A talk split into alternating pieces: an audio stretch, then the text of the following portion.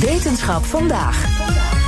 Astronomen hebben rondom een dwergplaneet een ringenstelsel ontdekt. op een plek waar ze dat totaal niet hadden verwacht. Daar gaan we over praten met wetenschapsredacteur Carlijn Meinders. Hey Carlijn. Hoi.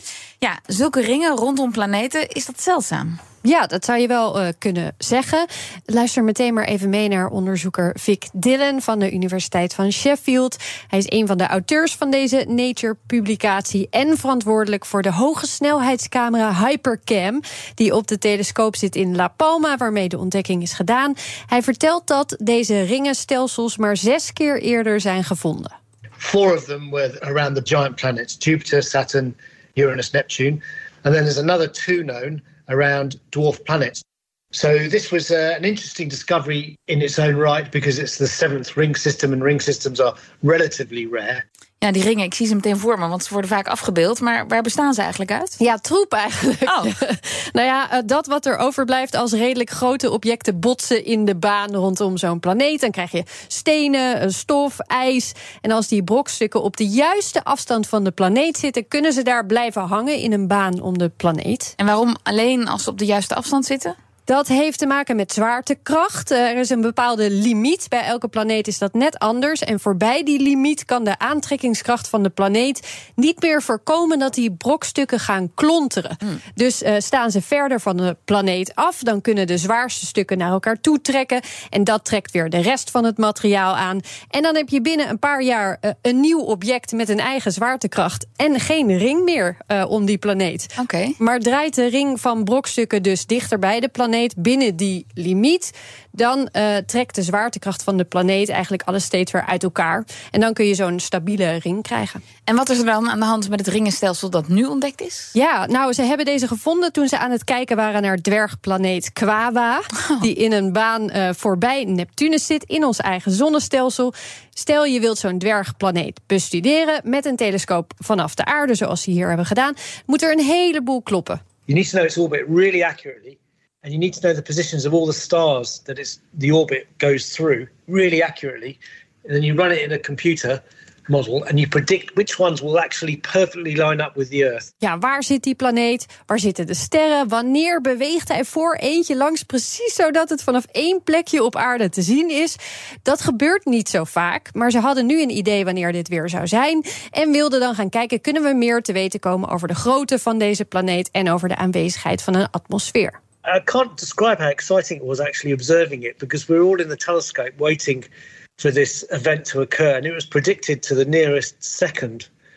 And so we were all watching the clock and we were, were taking the data, and absolutely on the second our colleagues said it would happen, it happened. The thing went dipped down and everyone was cheering in the control room. Hey, and, you know, it was really exciting.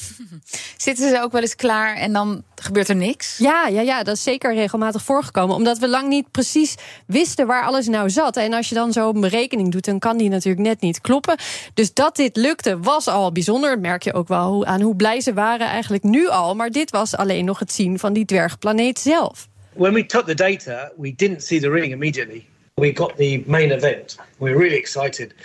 But it was only weeks later that uh, I sent all the data off to the first author, uh, Bruno Morgado in, in Rio. And he came back many weeks later saying, Vic, I think we found a ring, actually. Look at this. And he sent me a plot. Like, oh yeah, my god, yeah. Die hadden ze dus bijna over het hoofd Ja, ja, ja. En, en dat, dat heeft uh, onder andere te maken met waarom die ring nou zo gek is. Ik vertelde eerder, zo'n ring kan alleen vormen als hij precies op de juiste afstand van de planeet zit. Maar deze ring blijkt veel verder van die planeet weg te staan. Dat kan eigenlijk helemaal niet. Dan zouden die brokstukken dus al lang naar elkaar toegetrokken moeten zijn. En snappen ze dan wel hoe het kan dat het in dit geval niet is gebeurd? Ze weten het nog niet zeker, maar ze hebben er wel ideeën over. Bijvoorbeeld.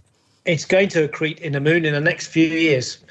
And we're just really lucky. We managed to catch it. Dus in, in het 4,5 miljard jaar oude leven van deze planeet hebben we heel toevallig net gekeken, vlak voordat de objecten naar elkaar toe uh, trekken. Die verklaring vinden ze zelf niet heel erg voor de hand liggen. Een andere verklaring zou zijn: het heeft te maken met de samenstelling van de brokstukken. Die zouden bijvoorbeeld ijzig als hagelstenen een beetje kunnen zijn, zodat ze bij een botsing meer kaatsen van elkaar af dan klonteren naar elkaar toe. moeten ze nog verder uitzoeken. Dat is meer de theoretische kant. Maar ze willen sowieso ook nog proberen om een aantal keer naar die ring te kijken bij deze planeet. Om zo te kunnen zeggen: blijft die nou stabiel? Verandert die de komende jaren misschien? Sowieso uh, willen ze met die supersnelle camera nog veel vaker naar dit soort dingen kijken. Want hij blijkt hier heel goed in te zijn. In combinatie met zo'n enorme telescoop. Ook niet zo gek als je dit bedenkt. If you've got a, a traditional astronomical camera, might only take one picture a minute. That's typically what's done as astronomy. Whereas our thing can take thousand pictures a second if you want it to. Ja, duizend beelden per seconde. Daar kun je heel veel mee zien, kun je je voorstellen.